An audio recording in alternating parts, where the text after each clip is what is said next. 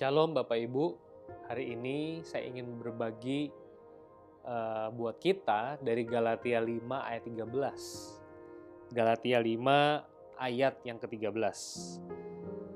Saudara-saudara, memang kamu telah dipanggil untuk merdeka, tapi janganlah kamu mempergunakan kemerdekaan itu sebagai kesempatan untuk kehidupan dalam dosa, melainkan layanilah seorang akan yang lain oleh kasih.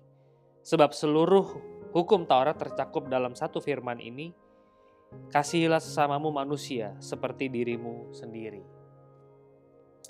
Bapak Ibu Saudara, kalau kita membaca kitab Galatia, ada konflik di dalam jemaat itu antara orang-orang Yahudi dan orang-orang non-Yahudi.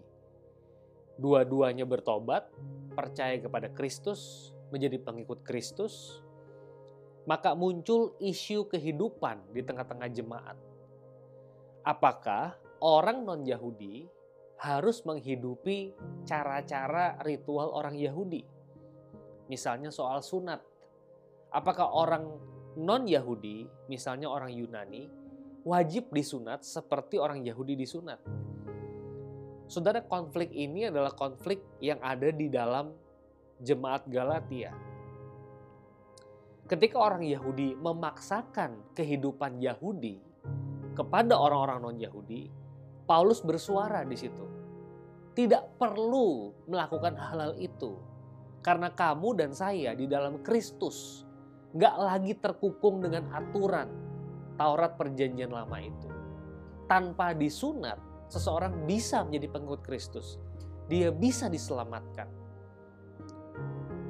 Saudara-saudara, Hal ini mengakibatkan orang-orang yang mendengarnya merasa hidup itu lebih merdeka.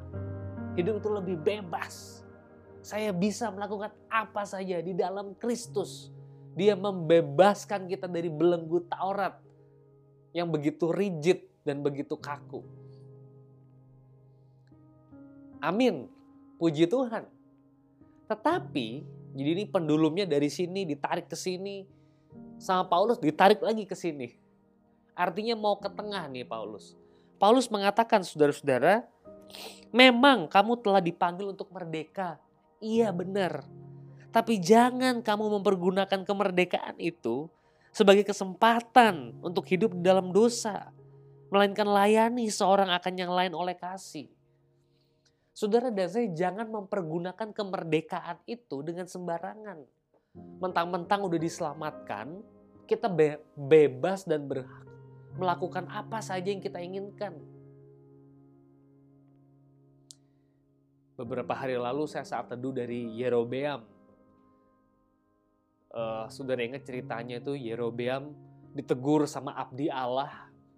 Terus Yerobeam, Yerobeam mengacungkan tangannya supaya abdi Allah yang negur dia itu di, ditangkap begitu ya. Tapi ketika Yerobia mengacungkan tangannya, tiba-tiba tangannya itu kejang, saudara-saudara. Wah, dia kejang tangannya. Itu kalau kita baca tuh seru banget ya Bapak Ibu. Tangannya kejang. Terus kemudian dia bilang sama Abdi Allah, tolong dong, uh, mo, uh, mohonin belas kasihan Allah dong, tolong. Abdi Allah itu baik, dia memohonkan belas kasihan Allah. Tangannya bisa kembali normal lagi.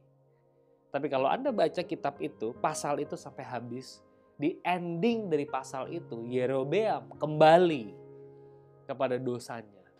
Dia nggak mau lagi dengerin abdi Allah. Saudara, kita, kita tuh kalau bebas, kalau merdeka, sehat, ya, diselamatkan dalam Kristus, dimerdekakan. Kita tuh hidup jadi nggak lagi tahu diri, nggak lagi bersyukur, nggak lagi hidup di dalam aturan. Kan bebas, kan nggak harus kan? Saya nggak saat teduh kan juga diselamatkan. Amin. Iya kan? Saya nggak ibadah minggu, satu kali aja via YouTube nggak ibadah. Saya kan tetap oke okay kan? Nggak langsung saya berhak dihakimi gitu. Eh kamu bukan lagi Kristen. Saya ingin memutar pemikiran saudara. Saudara, saya berpikir saat ini dalam perenungan firman Tuhan ini, apa salahnya saya melakukan Taurat kalau saya udah diselamatkan? Saya mau putar lagi pendulumnya. Nggak salah kan? Saya sudah diselamatkan dalam Yesus. Apa salahnya saya melakukan Taurat? Apa salahnya orang Kristen disunat? Saya bukan mewajibkan saudara menyunatkan anak, bukan. Tapi apa salahnya kalau secara medis itu baik? Apa salahnya kita memelihara dan menghormati hari sabat?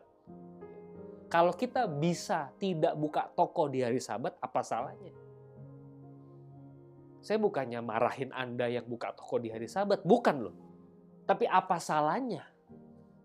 Kenapa kok kita jadi orang yang merdeka, bebas? Iya, tapi sekarang coba ditarik pendulumnya. Salah nggak saya kalau saya terapkan itu? Kan nggak salah juga.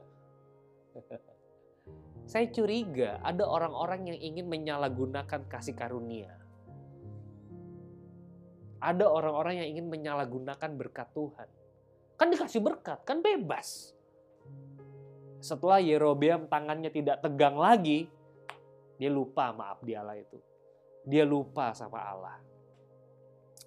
Bagi saya, nggak ada salahnya hidup ketat di dalam Taurat dan firman Tuhan. It's okay to be lebay. Hati kita cenderung untuk salah, false. Gak ada salahnya kok kita memelihara Taurat. Meskipun kita orang bukan orang non-Yahudi, orang Tionghoa, nggak ada salahnya kita melakukan apa yang firman itu sampaikan. Saudara-saudara, saya mau tutup dengan ayat dari Roma pasal 11. Roma pasal 11.